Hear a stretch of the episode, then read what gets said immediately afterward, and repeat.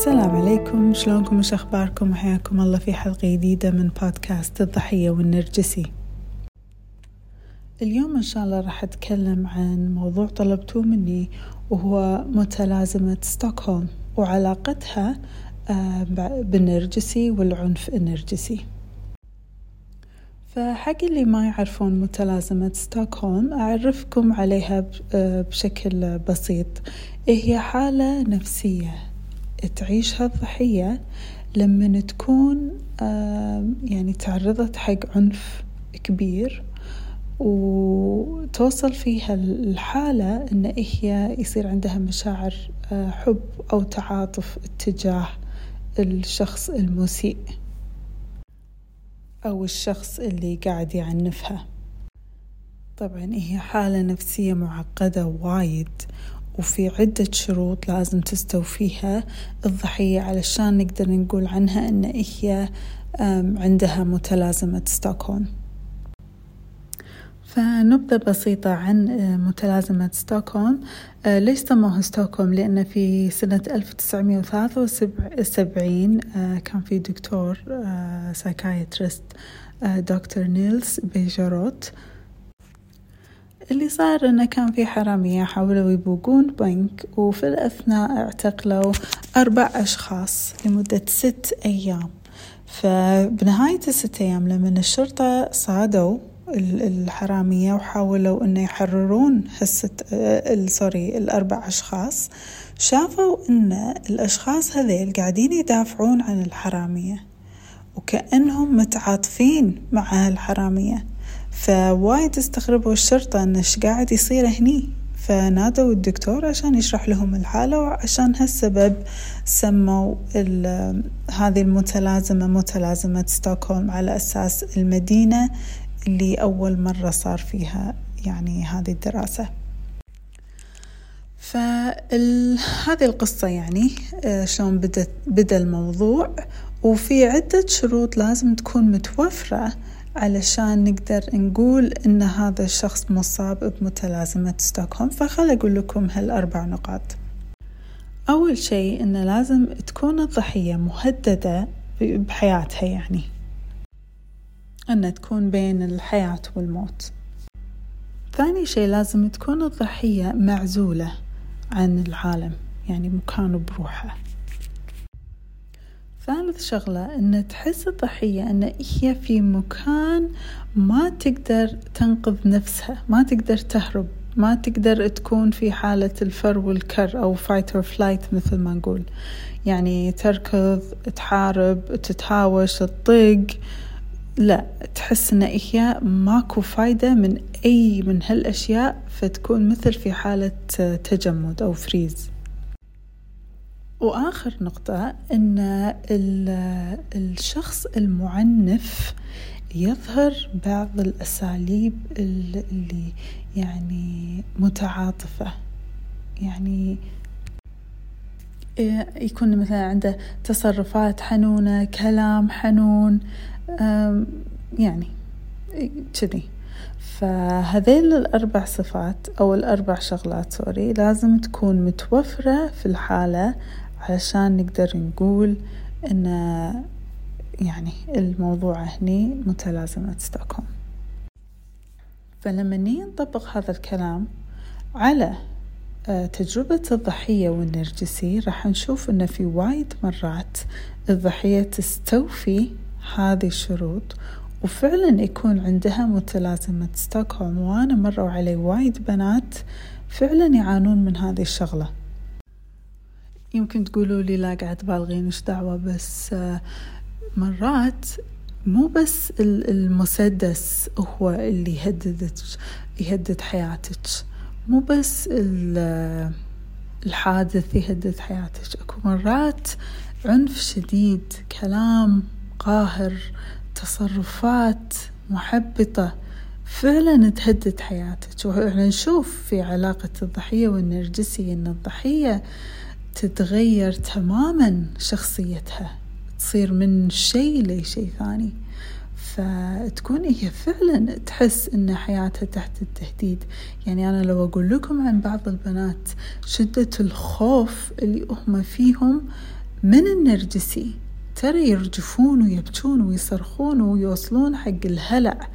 إنه لا يكون يدري عني لا يكون يفهم لا يكون أنا عندي بنات ترى يكلموني من تكرمون من الحمام يكلموني من وراء الباركينج من وراء مدري وين يساسروني لا يسمع نرجسي. ف ففي نوع من الخوف وايد كبير. ومرات الخوف هذا بمحله. يعني أنا مر علي حالات النرجسي سايكوباتي مثلا آه، يركض بسكينة في, في, في الزوارة ولا عنده خاش مسدس في البيت ولا يعني كذي حركات عنده. فتحس فعلا الضحية أن هي مهددة يعني حياتها مهددة ممكن أنها تنتهي بأي وقت مع هذا النرجسي. بعدين النقطة الثانية واللي هي العزل فالنرجسي يعزل بكل تأكيد الضحية.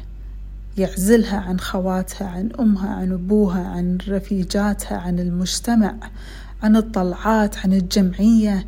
أنا عندي حالات ما تقدر تروح الجمعية تخاف تروح الجمعية. ما تروح السوق ما تقدر ما صار لها سنين مو رايحة عند بيت أهلها ولا بيت أبوها ولا خلاص انقطعت. فهذا شيء يسويه النرجسي متعمد من تكتيكاته انه يعزلك عن العالم. عشان تصيرين انتي بس حقه هو يتغذى عليك على راحته. أما بالنسبة حق النقطة الثالثة واللي هي عدم القدرة على الدفاع عن النفس فهذا شيء وايد وارد. في علاقة الضحية والنرجسي وايد مرات الضحية تخاف إنها تتكلم إنها تقول إنها تعبر إنها تهرب مع أن السبل تكون متوفرة حقها إنها تطلع من هذه العلاقة تهرب من هذا البيت اللي فيه عنف بس تظل تقعد تظل تقعد. وآخر نقطة اللي هي أن الشخص المعنف يكون عنده صفات التعاطف اتجاه الضحية. وهذه طبعا أكبر مأساة أنا شخصيا تمر علي لما تيجي تقول لي العميلة بس هو يحبني بس هو قال لي هالكلام بس هو شرالي ورد بس هو جاب لي هدية. بس لما يشوفني تعبانة يقول لي أساعدك. في في هذا هذا النوع من التصرفات تطلع من النرجسي. بس طبعا ما تكون حقيقية هذا كله تمثيل كله تمثيل وكله جزء من التكتيك اللي راح يخلي الضحية تكون ضحية وتكون خاضعة. يعني إذا إذا ما يبلل ريجها بهالكلمتين الحلوين يعني راح يكون الوضع مختلف تماما. فهو عارف شغله أصلا. وما ننسى أن الترابط الجارح أو ال trauma bond يتشكل بين الضحية والنرجسي على أساس دائرة العنف مالت النرجسي. على أساس أنه هو أول شيء يجيبها بال hoover وبعدين يجيبها بال love bombing أو قصف الحب والكلام والهدايا وكل هذا. بعدين يبدي ال devaluing بعدين يبدي التعنيف بالكلام كل أنواع التعنيف الكلام بالعاطفة بالمال. بعدين ال discard إيه ومن عقبها تعيد الدائرة نفسها وتعيد وتعيد. وكل مرة تعيد نفسها دائرة العنف هذه كل ما تزداد سوء. وأنا عندي بنات أشتغل معاهم ألاحظ عليهم هذا الشيء. وايد صعب عليهم أن يطلعون من دائرة العنف هذه. بس أنا أحب أوجه كلمة حق اللي عايشين هذا الدور إن هو ياخذ وقت. ياخذ وقت على ما الضحية تستوعب شو اللي قاعد يصير. لأن في النهاية الستوكهولم سندروم هو آلية دفاع آلية دفاع عن الذات من المخ المخ يسوي لما إحنا نحطه في هذا الموقف؟ خلاص سكرنا كل البيبان بوجهه شو يسوي؟ راح يسوي راح يحاول إنه يخليك تعيشين بأسلوب يعني أسهل حقك. فيخلق لك هذه المشاعر وهذه متلازمة الستوكهولم عشان يخفف عنك.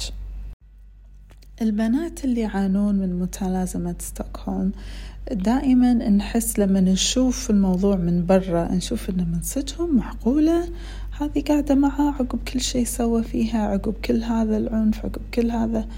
بس هي هي ما تشوف نفس الشيء هي لأن بعز المشكلة بعز العلاقة. فدايما راح ياخذ وقت راح ياخذ جهد. تحتاجين شخص مختص تشتغلين معاه. ما ينفع بروحك. واللي تحب تغير من نفسها وتغير من حالتها في النهاية راح تقدر. حتى لو طال أو طالت المدة في النهاية راح تقدر. أتمنى أن عجبكم موضوع اليوم. قولوا لي في الكومنتات تحت ال post في الإنستغرام إيش رأيكم؟ شنو أسئلتكم؟ شنو تجاربكم؟ أنا أجاوب على كل الأسئلة في في ال direct ولا في الكومنتات فلا تترددون. دزوا هذا البودكاست حق أهلكم حق ربعكم. ساعدوني إن ننشر الوعي في المجتمع. إحنا محتاجين هذا الشيء. وقبل ما أروح أحب أذكركم إن إحنا ما نقدر ننقذ النرجسي بس نقدر ننقذ نفسنا. أشوفكم إن شاء الله الأسبوع الجاي.